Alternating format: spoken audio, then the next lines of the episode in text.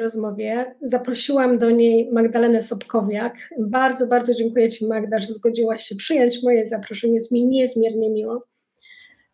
Dzień dobry, a ja bardzo dziękuję, że mogę być z Tobą dzisiaj. Próbowałam znaleźć trochę informacji w internecie na twój, na twój temat, bo nie poznałyśmy się osobiście wcześniej. Mnie fascynuje Twoja um, ostatnia z, z, działalności, więc chciałam się dowiedzieć czegoś, um, co robiłaś wcześniej. I um, z tego, co wyczytałam, jesteś absolwentką zarządzania i dyplomacji. E, LinkedIn podpowiada, że byłyśmy równocześnie na tej samej uczelni, na studiach nawet. Ja Naprawdę? Tak, ja jestem starsza, więc ja już byłam na kolejnych studiach, a ty byłaś na swoich wcześniejszych. Tak, także. A to w Poznaniu, tak? Na Akademii Ekonomicznej, tak, dziś w tak. Uniwersytecie? Wow. Tak jest. E, jesteś też, czy, czy byłaś pewnie korespondentką w telewizji polskiej w Brukseli, pracowałaś w kilku innych telewizjach, jak w Polsat, TV Business, TVP Info, e, w radio. E, I rozpoczęłaś też w 2016 pracę w Komisji Europejskiej w Brukseli. Też prawda. Jako specjalistka do spraw informacji i komunikacji w obszarze polityki obronnej i kosmicznej Unii Europejskiej. Fascynujące po prostu. To prawda.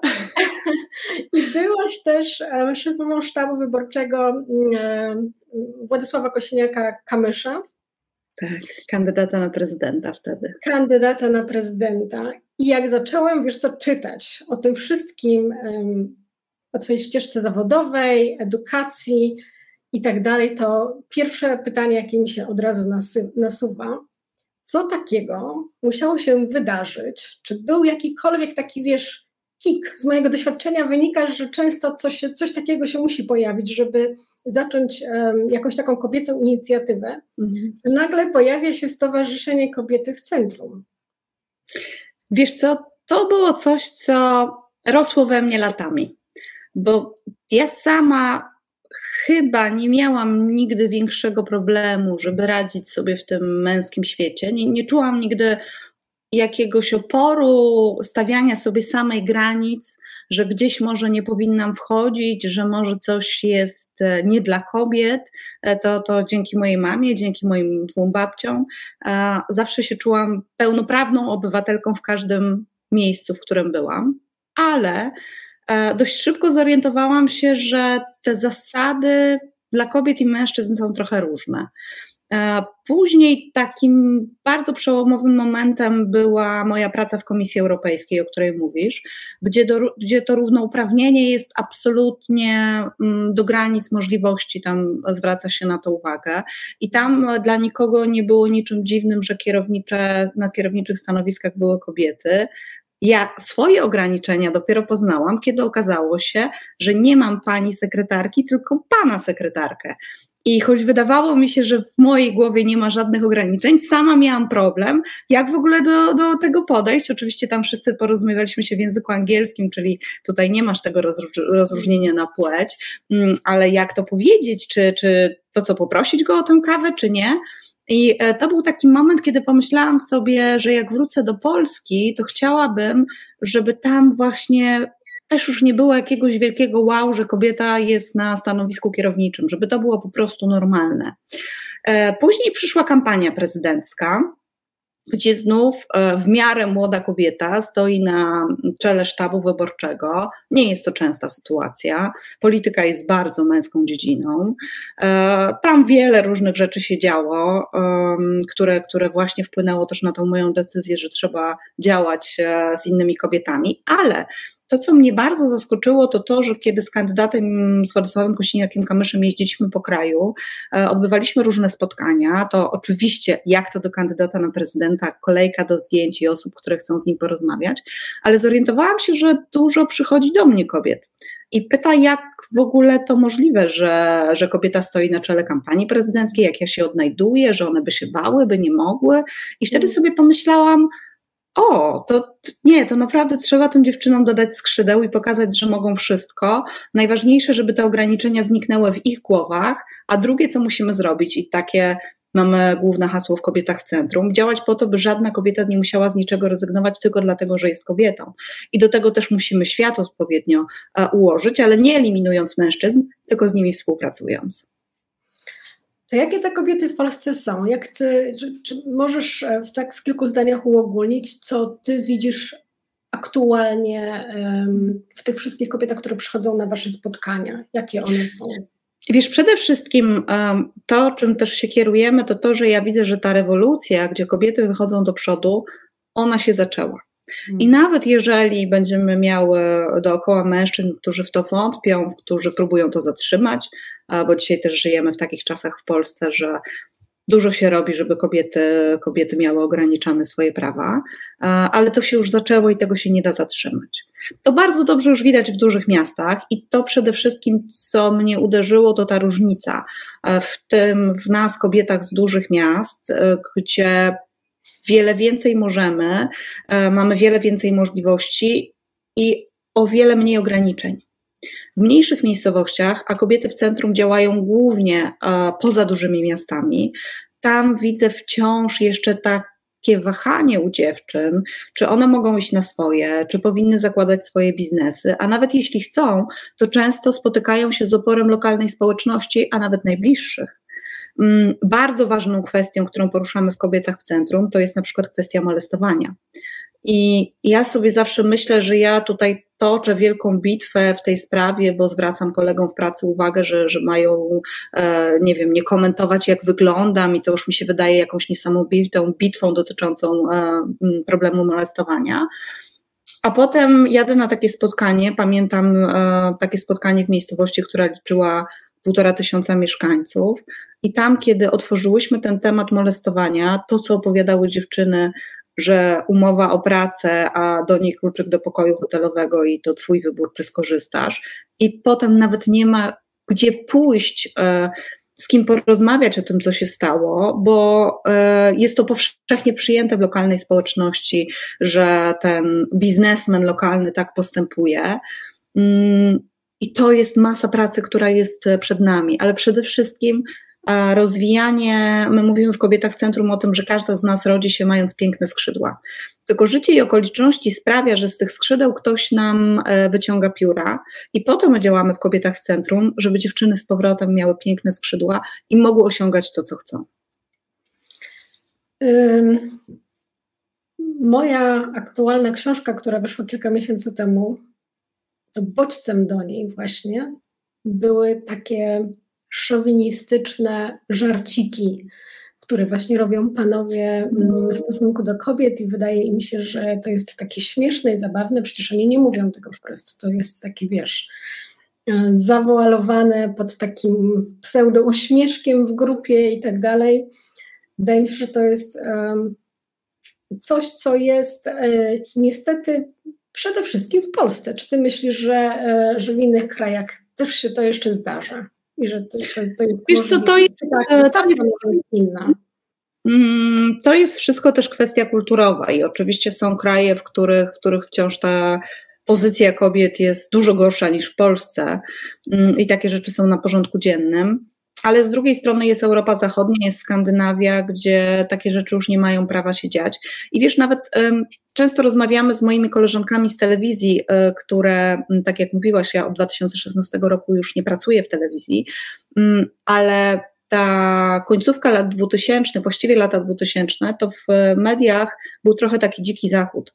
Właśnie to, że jako młode dziewczyny wchodziłyśmy do zawodu, i każdy, dobra, nie każdy, bo nie, nie, chcę teraz generalizować, mhm. ale to, że starsi koledzy czy szefowie w dość niewybredny sposób komentowali właśnie nasz wygląd, składali wszelkiego rodzaju propozycje, wiesz, to było na porządku dziennym. Znaczy, jeżeli protestowałaś przeciwko temu, to spotykał cię ostracyzm, że nagle wyłamujesz się z systemu. Dzisiaj to już jest naprawdę margines. I bardzo się cieszę, że mm, były dziewczyny, które powiedziały o tym głośno, że rozpoczęła się cała dyskusja i dzisiaj e, panowie już sobie pozwalają na dużo mniej. Mm, ja jestem akurat świeżo po występie w takiej kampanii społecznej e, organizowanej przez Biuro Rzecznika Praw Obywatelskich, e, mówienie o molestowaniu, i tam właśnie używałam takiego sformułowania, że te drobne żarciki, one zostawiają ślad i ranią. Ale wiesz, co jest ciekawe, że jak rozmawiam z facetami i mówisz im o tym, jak dużo potem zostaje w tobie z tego, co usłyszałaś, to część z nich mówi, że nie miała w ogóle takiej świadomości. To właśnie było moje kolejne pytanie. Czy ta praca nie powinna być dwutoro, iść dwutorowa, tak? Czyli pokazujemy kobietom, że powinny umieć stawiać granice i że nie wolno sobie na nie pozwolić, bo każda taka, każdy taki żart, każdy taki docinek, który nie zostaje e, zastopowany albo który nie ma reakcji, moim zdaniem e, z automatu jest takim cichym przyzwoleniem na to, żeby to nadal robić. Ale z drugiej strony też mam takie wrażenie, że, bo to była dla mnie bardzo taka, mm, no to była sytuacja, która zrobiła na mnie duże takie wrażenie, bo to pierwsze, pierwsze takie moje zetknięcie w branży właśnie finansowej e, z czymś takim, e, że być może my też trochę na to pozwalamy, a panowie nie mają świadomości że to może być raniące, że to nie wypada, że być może to nie jest wcale takie śmieszne i że nie powinno się tak robić. Widzisz, obydwie studiowałyśmy na uczelni ekonomicznej i dobrze też znasz zasadę, że jak jest popyt, jest podaż. Mhm. I też wychodzę z założenia, że dopóki e, jest na to akceptacja, to to będzie się zdarzać. Tylko cały problem polega na tym, że chociaż Winny jest ten obrzydliwy facet, który pozwala sobie na naprawdę ohydne komentarze, to na końcu drogi winna czuje się ta dziewczyna, która to usłyszała. I to jest nieprawdopodobne w tym wszystkim, e, że im to uchodzi na sucho, a w nas zostawia ślad na lata. I tak jak mówisz, ta praca powinna iść w różnych kierunkach, bo z jednej strony właśnie to, żebyśmy my nie bały się zwracać uwagi i mówić głośno, hej, to jest, to przekracza moje granice i wypraszam sobie taki komentarz. To jest jedna rzecz. Co ciekawe, wiesz, jak wystąpiłam w, w tej kampanii społecznej Biura Rzecznika Praw Obywatelskich, odezwała się do mnie masa kobiet. I to takich, które miałam za silne, e, będące u szczytu swojej kariery, które napisały do mnie, e, wiesz, mam pewne przeżycia z tym związane, ale nigdy o tym nie mówiłam. To jest niesamowite, jak wiele jeszcze w nas siedzi, mm, właśnie dlatego, że to my mamy jakieś takie poczucie winy, wstydu, że to się działo. Z drugiej strony to też jest rozmowa o innych kobietach, bo to, o czym rozmawiamy na, w, na spotkaniach kobiet w centrum, to też jest ten brak kobiecej solidarności że my nie zawsze za sobą się wstawimy, bo często bycie tą jedyną e, w gronie męskim ma też swoje przywileje. E, I kiedy pojawia się rywalka, pojawia się druga kobieta, mm, to często jest tak, że to właśnie te kobiety są dla siebie największym wrogiem. Wiesz, mężczyźni e, między sobą kiedyś usłyszałam takie stwierdzenie, że jeżeli jakaś tam kobieta za wysoko zajdzie, e, to wpuścimy do tego grona drugą kobietę i one już się wzajemnie wykończą i będzie po problemie. I kobiety w centrum też są o tym, że te kobiety zaczynają się właśnie dogadywać. Ale jest też ta trzecia przestrzeń, czyli właśnie uświadamianie mężczyzn, jak właśnie te takie niewinne, głupie żarciki, choć nie zawsze one są niewinne, to wiesz, też, też to rozdzielmy, bo czym innym jest, że czasem dla nas jest za dużo jakiś komentarz, który czasem może panowie odbierają po prostu jako komplement, bo tak słyszeli od swoich ojców, wujków i, i wszędzie indziej, ale jest po prostu też grupa cynicznych, obrzydliwych kolesi, no i powiedzmy sobie to szczerze.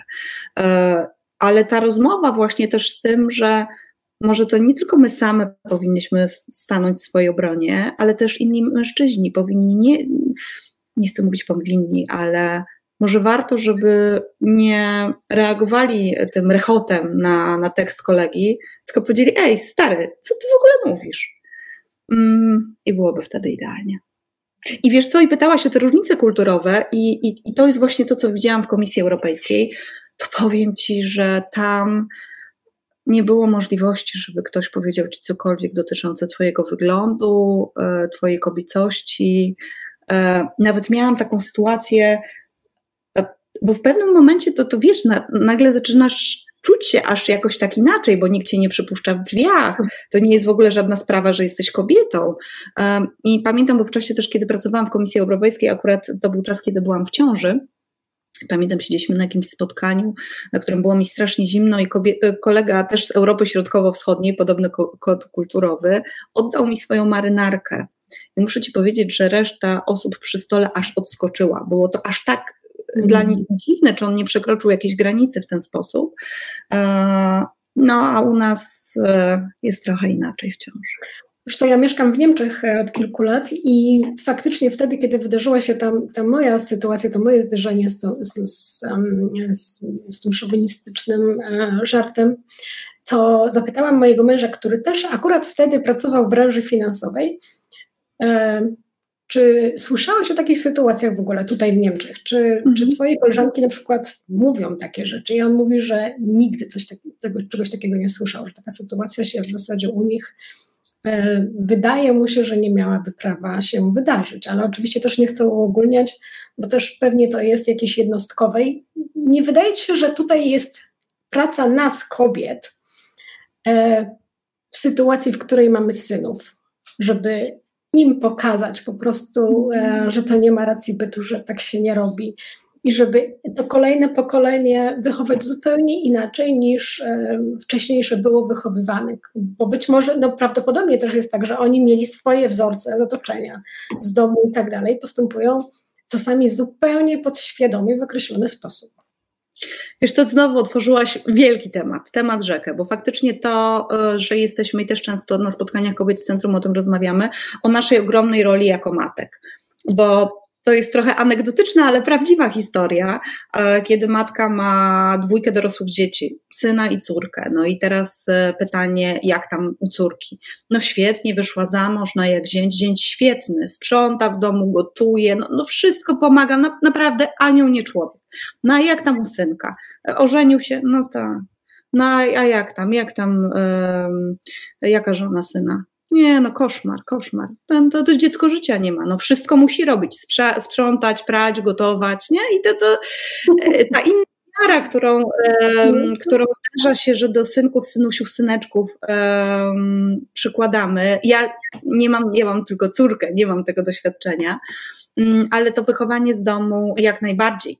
I to, co dzisiaj też dzieje się w Polsce, e, to trochę wchodząc na to moje pole polityczne, czyli też e, trochę badacza tego, co się dzieje ze społeczeństwem, że w grupie tych najmłodszych, ja to mówię zawodowo, wyborców, e, mamy duży rozdźwięk. Młode dziewczyny są bardzo po lewej stronie, a młodzi mężczyźni bardzo po prawej. Dlaczego? Podobną sytuację mamy w Stanach Zjednoczonych, bo e, ci młodzi mężczyźni nie odnajdują się w tym, że właśnie dziewczyny wychodzą do przodu, mają własne pieniądze, e, prowadzą swoje życie. Jedynym ich celem to nie jest dobrze wyjść za mąż, tylko mają wiele więcej planów w życiu, a oni przecież wyrośli w domach, gdzie tak było, że ta mama czekała z rosołem i kapciami. I nie mogą się w tym wszystkim odnaleźć. O co tutaj chodzi?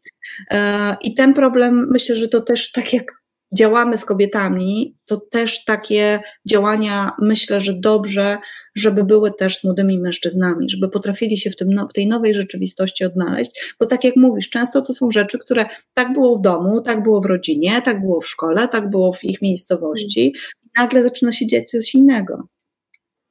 Jest, ja mam syna i córkę i e, córka jest, ma dopiero 10 lat, ale syn ma 21 i dumna jestem z tego, jak zauważa właśnie takie sytuacje, w których kobiety są poszkodowane. Jest taki, zdecydowanie mogę powiedzieć, że mój syn jest feministą. Myślę, że on sam by się też tak nazwał. E, ale faktycznie e, to jest chyba taka praca domowa, ale chyba też trochę na obserwacjach. Nie wiem, czy, czy wydaje mi się, że, że my jako matki swoją postawą, z tym, co mówimy, tym, na co pozwalamy też mężczyznom wokół nas, Y, robimy jakby taką wychowawczą robotę na naszych dzieciach. Ja zawsze mam takie poczucie, że więcej wskóramy tym pokazywaniem i tym, co robimy, niż tym, co mówimy, w jaki sposób będziemy pewne rzeczy klarować. Wiesz co, ale wracając do tych postaw, to prawdopodobnie też widziałaś ostatnią konferencję premierek Finlandii i Nowej Zelandii, w której pada pytanie od dziennikarza, czy panie się spotykają, bo są w podobnym wieku i mają wiele wspólnego. E, no i, no i to w ogóle e, wydaje się, że takie pytania mogłyby paść, gdyby one były panami. Co ty w ogóle o tym myślisz? Tak, to jest... w Polsce, tak? Czyli te sytuacje cały czas się powtarzają. Wiesz co, mm, ja często mówię coś takiego, że mężczyźni dopiero zrozumieją, jak e, my się czujemy, jak będą musieli sobie powołać mężczyzn w centrum, jak będą zabiegać o to, żeby na konferencjach naukowych, na konferencjach, nie wiem, ekonomicznych, forach ekonomicznych będzie panel poświęcony mężczyznom, jak będą musieli e, zadbać o to, żeby w każdym panelu choć jeden mężczyzna zasiadał, to wtedy będą wiedzieli, o co nam chodzi.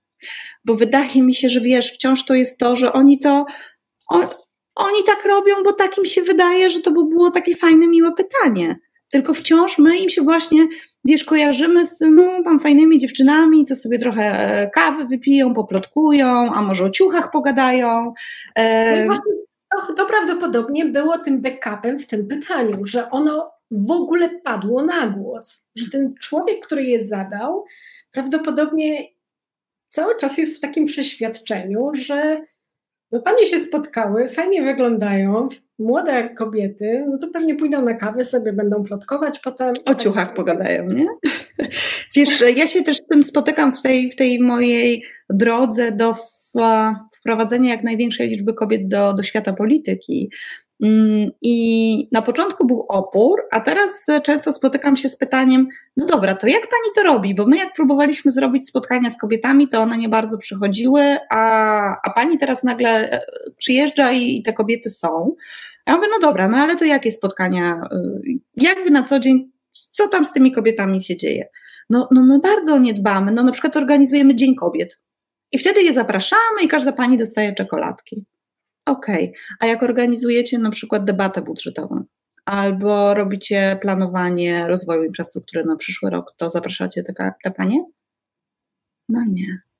No to macie odpowiedź. Znaczy, już dość tego, żebyśmy były, wiesz, raz w roku uhonorowane z okazji Dnia Kobiet. E, to też Ostatnio ktoś zapraszał mnie na, na, właśnie jakąś konferencję i mówi super, bo będzie specjalny panel poświęcony kobietom. Mówię, okej, okay, a będzie też poświęcony specjalny e, panel dzikom i krowom? No bo ja nie rozumiem, dlaczego dla nas musi być coś specjalnego poświęcone tylko nami, nam. E, ostatnio jakiś mężczyzna mówi do mnie też, mówi spokojnie, wiesz, to jest kwestia ewolucji. No ale jakiej ewolucji? Mnie na biologii uczono, że kobiety i mężczyźni pojawili się na świecie w tym samym momencie. To ile my jeszcze mamy czekać? To to. No widzę, że widzę, Chcesz tak, coś powiedzieć? Tak. Bo był ten sam bunt, kiedy zakładałam y, mojego bloga Kobieta Inwestuje. I dostałam, mhm. dostawałam e, od panów szczególnie takie pytanie, bo dla pań to nie jest w ogóle żaden temat. Kobiety rozumieją, że potrzebują się grupować, potrzebują zacząć, mhm. zacząć działać i że to im pomaga. Ale panowie, kiedy widzą kobieta inwestuje, czy pewnie kiedy widzą kobiety w centrum, to mają z tyłu taką myśl, ale czemu to musi być specjalnie dla kobiet? No bo przecież to inwestowanie i w ogóle, no to przecież to każdy to robi. To jest jakby wiedza mhm. uniwersalna, tak? Czy to, y, że mówi się właśnie o pewności siebie, pewnie na waszych spotkaniach, o tym, jak tam zacząć e, aktywniej zawodowo działać, i tak dalej, i tak dalej, bo część um, tych planów waszych spotkań przejrzałam. I rośnie taki bunt, dlaczego to jest takie właśnie specjalne, że my jednak trochę same robimy sobie tego, że, mm, że chcemy, wiesz, się grupować tylko wśród kobiet. My mamy jakby intencje określone i jest to dla nas zupełnie oczywiste. Dla panów bardzo często to nie jest oczywiste. I, um, i wiesz co, wracając do tej twojej polityki, specjalnie wczoraj taką myśl mi przyszła, żeby sprawdzić, jak dużo kobiet jest w polskim parlamencie. I, i, ja, e, i zobaczyłam, że aktualnie jest chyba 28%.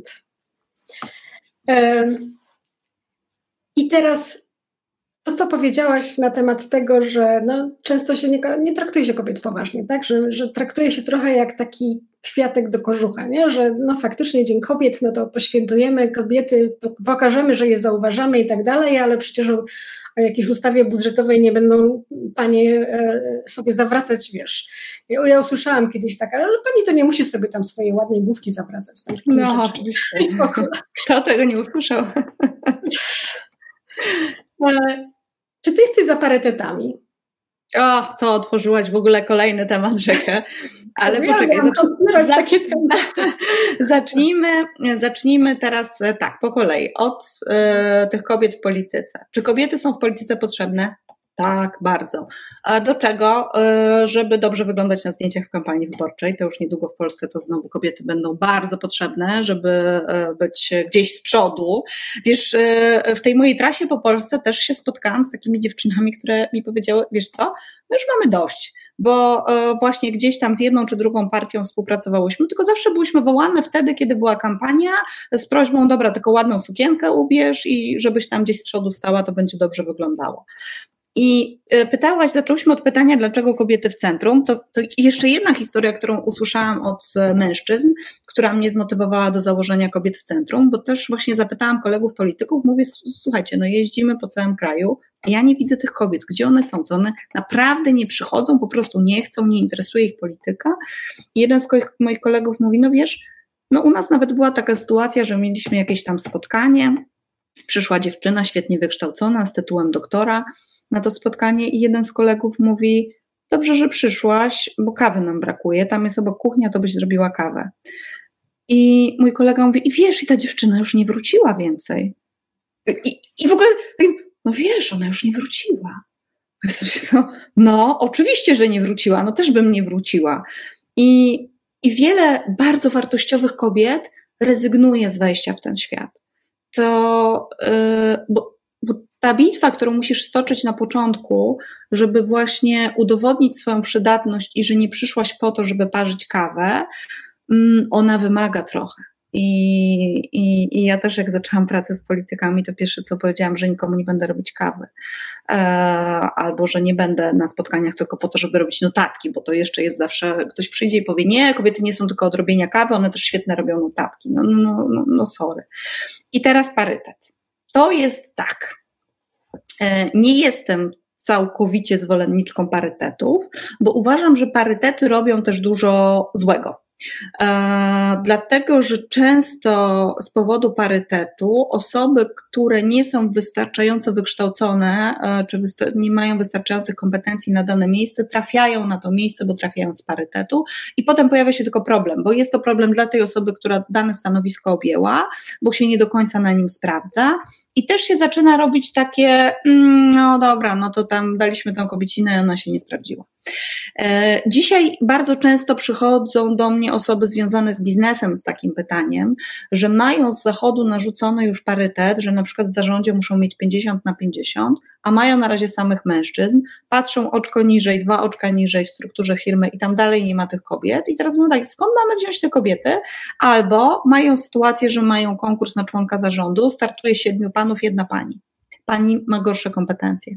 I teraz parytet mówi, ok, musimy awansować tą panią, tylko właśnie dzieje się to, że ona nie do końca się sprawdza, a mężczyźni się demotywują, no bo mieli kompetencje, a, a nie trafili na to miejsce. Z tego powodu nie jestem hura optymistką, jeżeli chodzi o parytet ale modele przede wszystkim skandynawskie pokazały, że całą sztuką parytetów jest to, żeby na początku wprowadzić parytet, bo musisz mieć jakiś taki, wiesz, zapalnik, taki trigger, który uruchomi cały proces, ale potem, żeby ten parytet był naturalny. I to by była wersja idealna.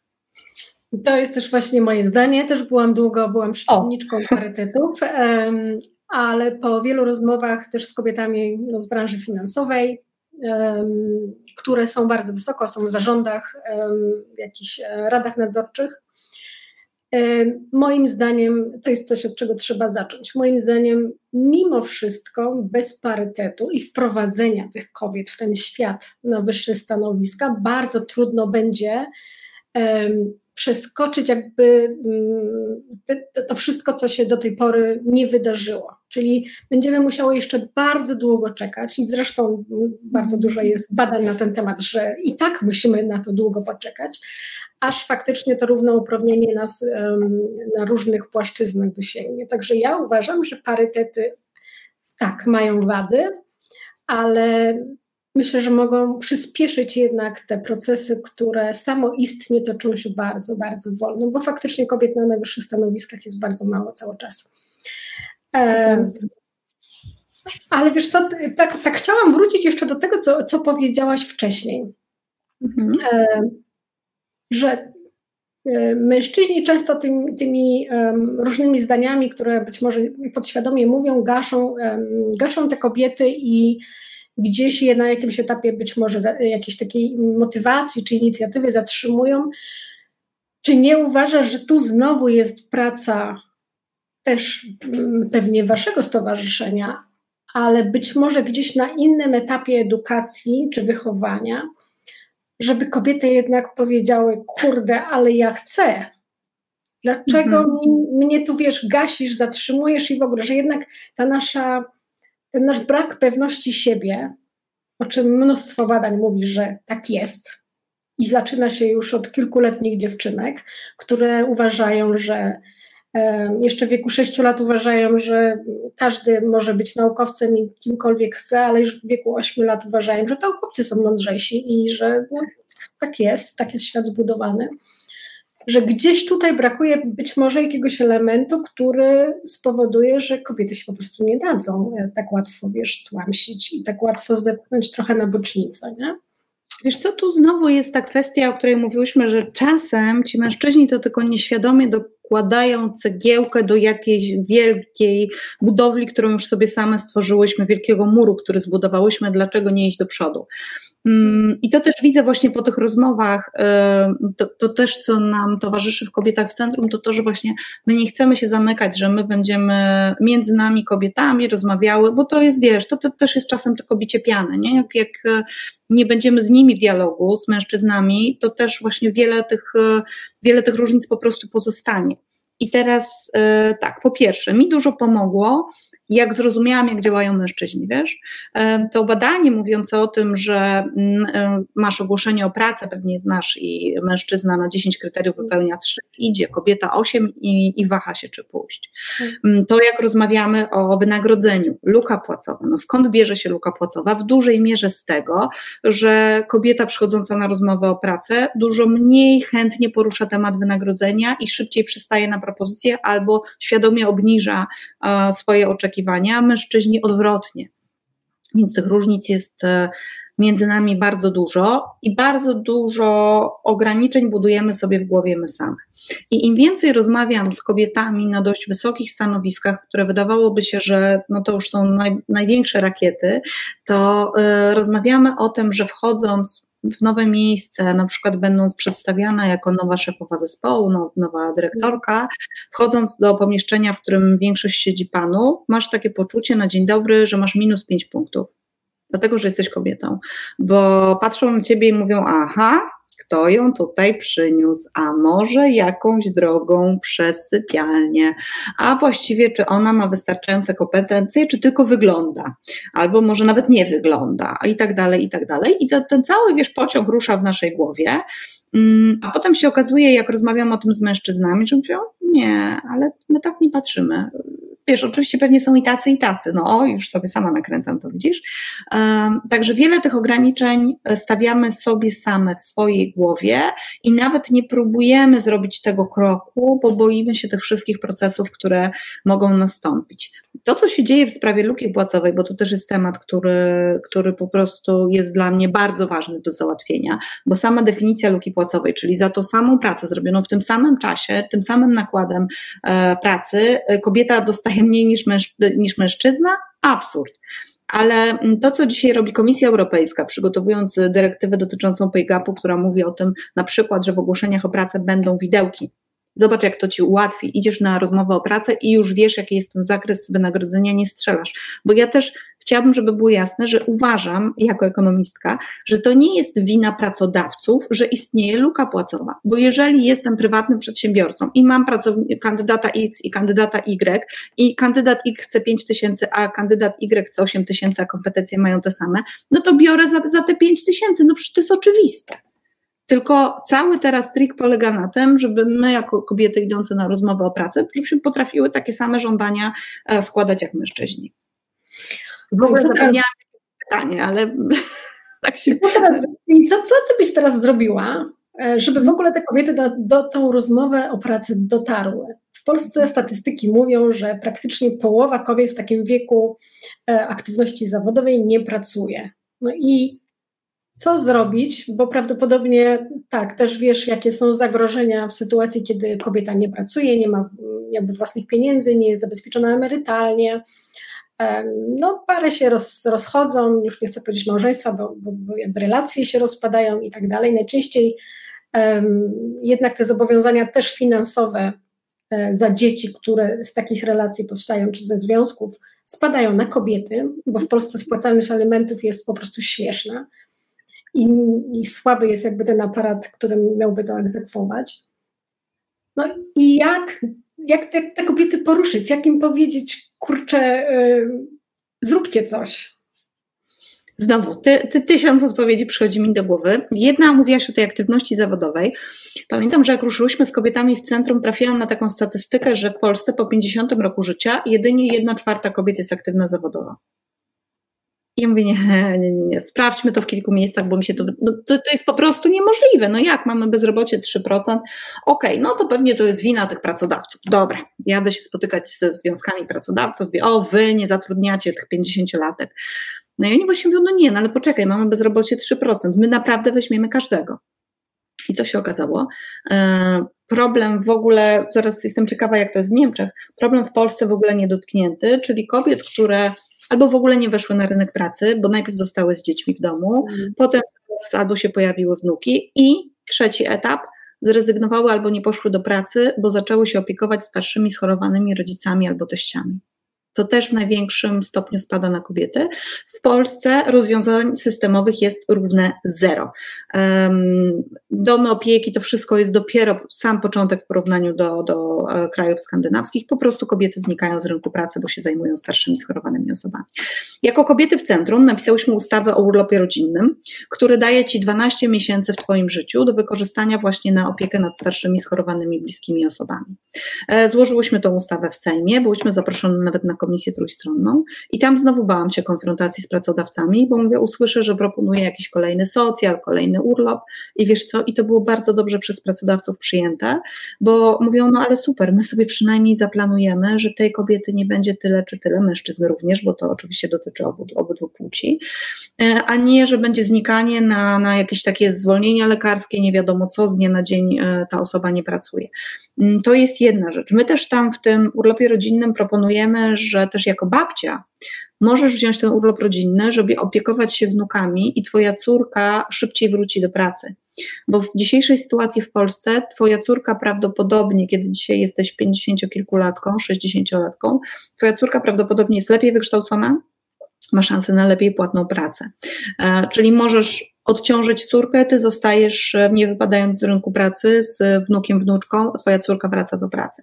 I teraz druga strona tego łańcucha, czyli właśnie ten powrót do pracy albo rozpoczęcie pracy po dziecku.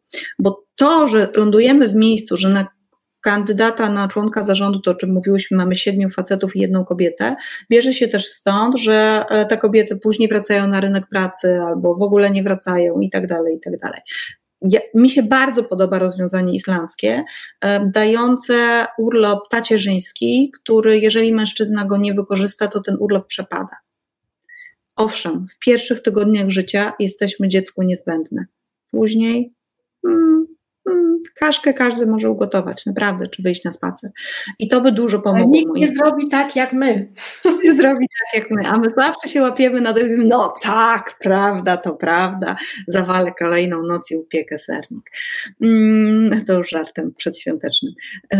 Wiesz co, i myślę, że, że właśnie to wyrównywanie tego, żeby dziewczyny szybciej wracały na rynek pracy i kolejna, bo też mówisz, jak, jak, jak motywować do tego, żeby w ogóle na tą rozmowę o pracę poszły. No i tu wszystko to, co robimy na Akademiach Kobiet w Centrum.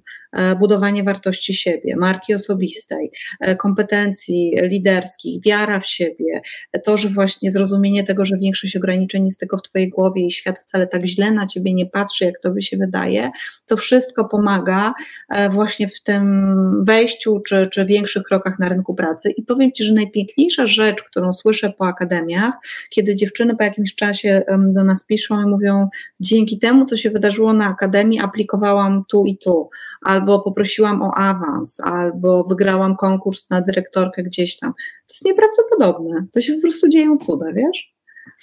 Ja mam często takie wrażenie po jakichś takich spotkaniach, e, które regularnie prowadzę dla kobiet w związku oczywiście z edukacją finansową e, czy inwestycyjną, że kobietom czasami potrzeba tylko tak lekko dmuchnąć w skrzydła.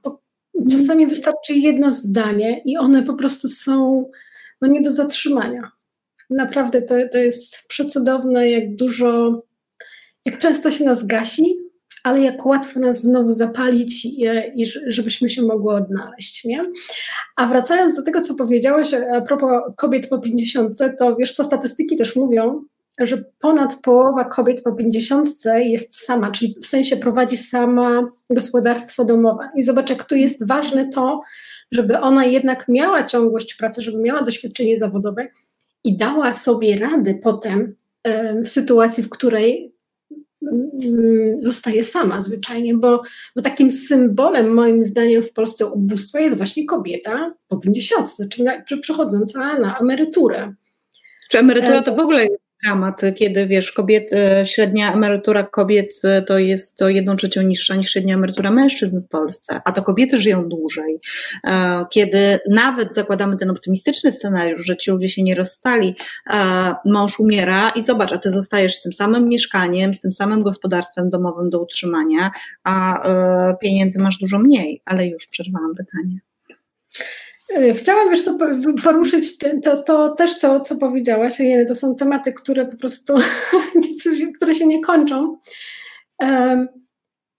Właśnie to, że po macierzyńskim jest bardzo trudno wrócić, ale też dlatego, że między innymi nasza pewność siebie spada i to też wiele badań pokazuje.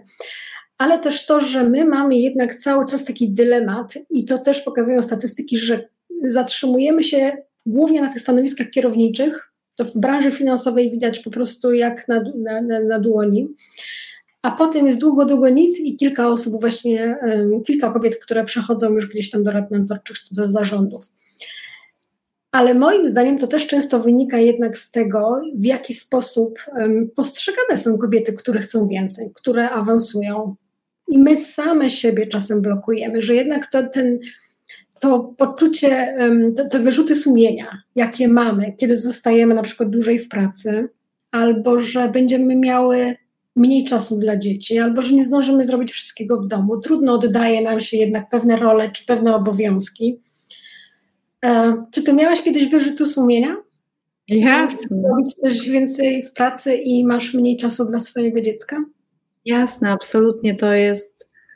Nie, no to, to, to nie wiem, czy da się tego, wiesz, e, tego pozbyć. To, to absolutnie, że i chyba dlatego my też, wiesz, mamy, no też badania pokazują, że szczególnie młode mamy są w pracy, z jednej strony pracodawca na ciebie krzywo patrzy, bo mówi, no to będzie chodziła ciągle na zwolnienia na dziecko i tu kolejna statystyka w Polsce, e, zwolnień na dziecko chore, opiekę, tylko 1% zwolnień wystawionych w Polsce biorą mężczyźni. 1%. Gdyby to się zwiększyło, od razu wyeliminowałby nam się problem ten, że pracodawca ma wątpliwość zatrudniając młodą kobietę. Od razu. Bo to by tą samą wątpliwość miałby do mężczyzn. Więc panowie, zostańcie czasem z dzieckiem w domu. E, druga rzecz, tak, te, te, te wyrzuty sumienia, o których mówisz, ale też właśnie, że otoczenie cię w to trochę wpędza i, i nie ma takiego Wiesz, ja mam takie poczucie czasem, że jednak ci mężczyźni to tak właśnie potrafią się tak, wiesz, zagłaskać, jak to oni mają źle, bo też nieraz się spotkałam z tym, że gdzieś tam wychodząc, e, a ja i tak jestem, moje dziecko jest przedzielne, mamy cały system, mój mąż mnie bardzo wspiera, babcie, wszyscy, więc ja naprawdę rzadko zdarza mi się zostać w domu ze względu na, na, na chorobę e, czy, czy jakieś inne okoliczności związane z moją córeczką, ale też łapię się na tym, że wiesz, jak ja gdzieś muszę wyjść, bo idę, idę do dziecka, no to jest tak, no ta, no to, to te młode kobiety, no one tak robią. A faceci, wiesz, dzisiaj wychodzę wcześniej, bo odbieram dziecko z przedszkola i reszta mówi, wow, ty to jesteś niesamowity, ojciec roku, bo odbierasz dziecko z przedszkola. No wiesz, no, no to, to są też takie rzeczy kulturowe, do których musimy jakby dojść, że ja też widziałam, pozdrawiam moich kolegów z pracy, widziałam to, że akurat tak się ułożyło, że, że moja córeczka jest najstarsza, ja pierwsza przechodziłam przez przedszkole, choroby i tak widziałam, że tak właśnie tak patrzą, tak no, no, no dobra, dobra, dobra. A teraz jak sami na tych skrzydłach gnają do tego przedszkola albo mierzą się z problemami że y, dzieciaki rano robią awanturę w to, co się ubrać. Ja też pamiętam takie zdarzenie, że y, mieliśmy takie poranne zebrania i y, ja, każdy, kto odwozi rano dziecko do przedszkola, wie, jakim momentem jest ten moment, kiedy zamykają się za nim drzwi wchodzącym do przedszkola. Cały poranek chodzisz na palcach, wszystkie, e, jesteś mistrzynią negocjacji, w co się ubrać, byle tylko nie przekroczyć tej cienkiej czerwonej linii, za którą już będzie opór. W związku z tym, jak przyjeżdżasz do tej pracy, to ty jesteś już naprawdę po trzech dobrych godzinach roboty e, i, i spotykaliśmy się na porannych odprawach, a koledzy pierwsze 20 minut sobie żartowali i tam, nie wiem, dyskutowali o meczach piłkarskich. I mnie szlak trafiał, bo ja wiedziałam, ile mnie to kosztuje, żeby na tą godzinę dojechać, no, a oni luz. E, także, no, mam wyrzuty sumienia. Ale też, wiesz, ktoś ostatnio mi powiedział coś takiego, że zobacz, a jeżeli twoje dziecko by było takie, że mamusia jest ciągle przy boku, e, to zobacz, pewnie byłoby mniej samodzielne, bo mamusia by wszystko załatwiła. Mniej otwarte na nawiązywanie kontaktów, no bo jedynym kontaktem jest mamusia. Nie podejmujące samodzielnie żadnych decyzji, bo mamusia wszystko załatwi i staram się cały czas o tym myśleć. Zresztą moja córka e, jeździ ze mną na spotkania kobiet w centrum i e, z jednej strony cieszę się, że jest częścią taki, tego projektu, który jest dla mnie bardzo ważny. Z drugiej strony widzę, że dziewczyny tak wiesz, na to patrzą i mówią: O, to pani też, też ma, musi to jakoś pogodzić, że dziecko, że praca, e, wyjazdy, tak trochę to wiesz, odbranzawia ciebie, bo, bo ten czas tego Instagrama, tego wszystkiego sprawia, że patrzysz na innych ludzi i sobie myślisz, Boże, tylko ja mam problemy, a to cała reszta to w ogóle płynie na czerwonym dywanie przez życie i nic im się nie przytrafia, nie? E, a wszystko się... Ja właśnie, tak, ja właśnie widzę to tak, jak ty teraz to powiedziałaś, wiesz co, bo um, ja też usłyszałam, jak postanowiłam się na studia doktoranckie, um, no ale to kto będzie z Jasiem? No, no jak to kto? No, no Jasiu ma tatę, który może z nim czasem na weekend zostać. E, co wydawało się zupełnie nie do przyjęcia dla mojego otoczenia.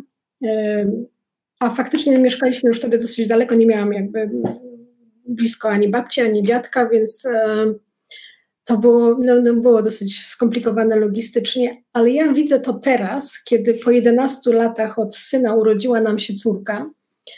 Dokładnie tak, jak ty to powiedziałaś, że ja chcę pokazać mojej córce, że kobiety mogą mieć też swoje własne życie. I że to, że ja wyjeżdżam prowadząc jakieś szkolenie, na przykład nie ma mnie przez 2-3 dni, to jest zupełnie naturalne. Ona lubi zostać statą i to jest. Yy, i, I ja sobie daję też to prawo, chociaż przy Jasiu miałam dużo większy wyrzut sumienia. Teraz podchodzę do tego zupełnie inaczej. Być może to przychodzi też z doświadczeniem, z wiekiem, e, ale też chyba z takim zrozumieniem, że chcę jej pokazać zupełnie inną postawę, E, tego tylko po to, żeby sama wiedziała, że może, żeby kiedyś też dawała sobie do tego prawo. Wiesz, w przypadku mojej córki pierwszą decyzję wymusiło na mnie życie, bo ona się urodziła w Brukseli, pracowałam w Komisji Europejskiej i tam nie ma 12-miesięcznego urlopu macierzyńskiego. Hmm. E, tak, urlop macierzyński trwa 4 miesiące. I dla mnie, właśnie wychowanej w tym, że przecież mama z dzieckiem to do trzeciego roku życia i w ogóle przedszkola, jeszcze wiesz, no to, to ja dziecko przedszkola lat 80., e, a właściwie anty dziecko przedszkola, bo moim rodzicom nie udało się skutecznie nigdy do żadnego przedszkola mnie zapisać, bo, bo organizowałam bunty i w ogóle protestowałam przeciwko tej instytucji, ale no one były jakie były. I więc kiedy ja w tej komisji się zorientowałam, że muszę, udało mi się chyba tam do, do Antonina miała 10 miesięcy, kiedy finalnie poszła poszła do żłobka, ale dla mnie to był dramat. Znaczy, mi się wydawało, że ja po prostu najbardziej na świecie zawiodłam swoje dziecko i je porzucam, ale nie miałam trochę wyjścia. I wiesz co? I nie było potem ani jednego dnia, żebym żałowała tej decyzji, bo jest cudowną, mądrą, otwartą na świat dziewczyną i, i naprawdę, i, ale, to, ale to wiesz, może gdyby nie życie wymusiło na mnie tą pierwszą decyzję, pewnie bym miała to samo, o czym ty mówisz, czyli właśnie wiesz, i starcie z rzeczywistością, z otoczeniem, czy tak może być, czy nie może być. Tam po prostu się to wydarzyło, a potem już poszło. Mhm. Jaka jest Twoja definicja sukcesu? Kiedy myślisz sobie sukces, to co myślisz? To to, że droga, którą udaje mi się iść drogą, którą sama sobie wybrałam. Uważam, że nie ma, wiesz, w życiu dobrej i złej drogi. To, co inni mówią, to, to nie znaczy, że to jest najlepsze wyjście. Jeżeli to, co ty uważasz za najlepsze dla ciebie, udaje ci się osiągnąć i jesteś z tego szczęśliwa, to to jest sukces. A co byś powiedziała e, takiej kobiecie, która nas teraz słucha i sobie myśli, tym to łatwo gadać, bo im tam pewnie wszystko łatwo przyszło i w ogóle mana z nieba spadła. E, I sobie myśli, ja też bym tak chciała że chciałabym zmienić moje życie. Co byś jej powiedziała? Odwaga, ale też wymaganie od samej siebie.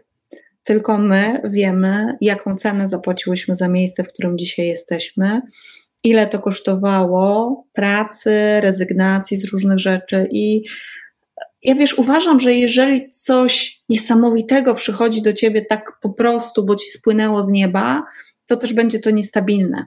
Stabilne jest tylko to, co sobie sama zbudowałaś krok po kroku, fundament po fundamencie. Wtedy masz taką bezpieczną bazę, z której możesz robić kolejny krok. Eee, więc to nie jest tak, że nasze życie jest usłane różami. Dużo znasz takich kobiet, którym tak łatwo wszystko przychodzi że im tak właśnie wszystko podkłada się pod, pod, pod stopy. Jednak jak Wiesz, patrzę, wiesz co, no. Czasem to się oczywiście zdarza, ale też nieraz właśnie widziałam to, że jeżeli ktoś nie zbudował solidnie tych swoich fundamentów, to potem ten podmuch wiatru. Znasz bajkę o trzech świnkach? Tak, tak. Ludzie się ze mnie śmieją, że ja mówię o bajce o trzech świnkach, ale jakby ona naprawdę dla mnie definiuje właśnie, wiesz, drogę życiową, budowanie sukcesu, budowanie kariery, nie krótko i tam ze słomy i, i, i będzie zaraz zdmuchnięte, tylko trochę więcej pracy, ale masz solidną bazę. A jak masz solidną bazę, to jesteś w stanie podejmować odważniejsze decyzje, bo nie musisz chodzić na kompromisy, e, bo się boisz, że jeżeli nie pójdziesz na kompromis, to wszystko stracisz. Bo to, co sobie sama zbudowałaś, to to ci zostanie. Jest taka grafika, często się przewija w jakichś takich um, stronach związanych z rozwojem osobistym, w którym widać tylko taki czubek góry lodowej, która jest cała pod wodą. E, I często Często my obserwując na przykład jakieś profile na Instagramie czy gdziekolwiek indziej, widzimy właściwie ten, ten, ten czubek góry lodowej, ten, ten cel, do którego ktoś tam dotarł, który sobie założył, a nie widzimy całej tej drogi, nie mamy pojęcia, ile um, go kosztowało. Także pamiętajcie, że każdy ma jakąś swoją własną historię i e, niekoniecznie ona musi być taka prosta, ale też uważam, że warto um, skupić się na małych krokach i zastanowić, dokąd ja chcę. Ja mam takie często wrażenie, że my i mówię głównie o kobietach tutaj. Nie wiem, jak jest u mężczyzn tak de facto, jak sobie teraz tak pomyślę o tym, że my często nie wiemy, co, czego chcemy. Że my często idziemy, jakoś tak płyniemy z, z prądem w tej naszej rzece życia i że w ogóle się nie zastanawiamy, dokąd mamy dotrzeć. Jakoś tak wpojone mamy i podświadomie się tym kierujemy, że tam mamy skończyć jakieś dobre studia, znaleźć jakąś pracę stabilną, wyjść za mąż, rodzić dzieci. I tak i tak powtarzamy jakoś tak krok po kroku te wszystkie wpojone nam jakieś takie mm, prawidłowości, które przez kogoś być może są uznawane za jedyne właściwe, ale nie mamy takich momentów, że się zatrzymam i się zastanawiam, czy ja w ogóle tego chcę, a czego ja w zasadzie chcę. To, jest, to, to bardzo często wychodzi na spotkaniach, jeśli, e, nawet jeśli chodzi o finanse, że my zarządzamy tymi finansami w jakiś taki chaotyczny, dziwny sposób, bo de facto nie wiemy, czego chcemy od życia i gdzie chcemy być na przykład za rok, czego chcemy, jakie są nasze, marzenia, jakie są nasze cele, nie?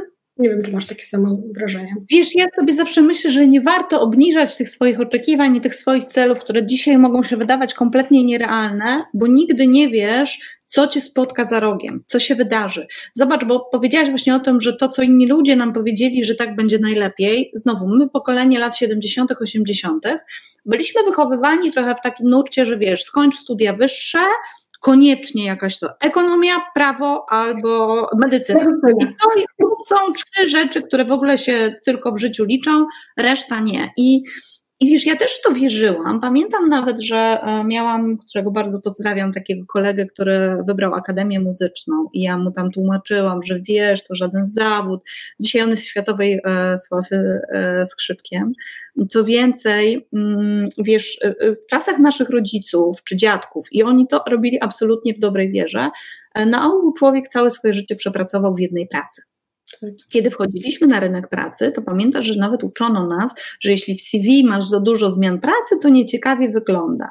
Zobacz, co się dzieje dzisiaj. Przebranżawiasz się, zmieniasz tą pracę, pojawiają się ciągle nowe możliwości, pewne zawody giną, pojawiają się nowe. Świat jest, stoi przed tobą otworem i dzisiaj planując, nie przewidzisz wszystkiego tego, co się zdarzy, nie przewidzisz dobrych i złych momentów, bo myślę, że bardzo też ważna jest świadomość tego, że nie zawsze będzie kolorowo. Pamiętam taki wykład, na którym byłam w ramach, e, byłam wybrana jako jedna, jedna z przyszłych liderów Europy przez German Marshall Fund kilka lat temu, już prawie 10. Brałam udział w takim wykładzie przez, e, prowadzonym przez Amerykankę, kobietę sukcesu absolutną, która zaczęła, ja wtedy miałam 30 kilka lat na tym spotkaniu, która zaczęła to spotkanie od narysowania sinusoidy i mówi, no jesteście grupą młodych, przyszłych liderów. Wszyscy macie wrażenie, że jesteście na tej górze i co więcej, rękami, nogami się trzymacie, żeby na tej górze być.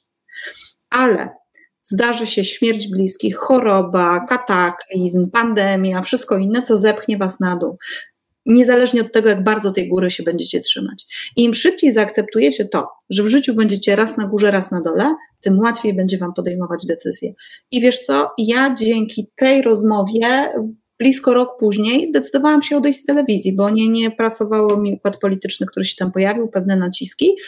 No ja z dnia na dzień zostawiałam wszystko. Wydawało się bajeczne życie, wspaniałe zarobki, mieszkanie, pokazywanie się codziennie kilku milionom widzów, ale to mi pomogło podjąć właśnie odważną decyzję, której nie żałuję ani przez minutę, ale właśnie zrozumienie tego, żeby za wszelką cenę nie trzymać się tej góry, bo będzie różnie i nie wszystko w życiu zależy od ciebie.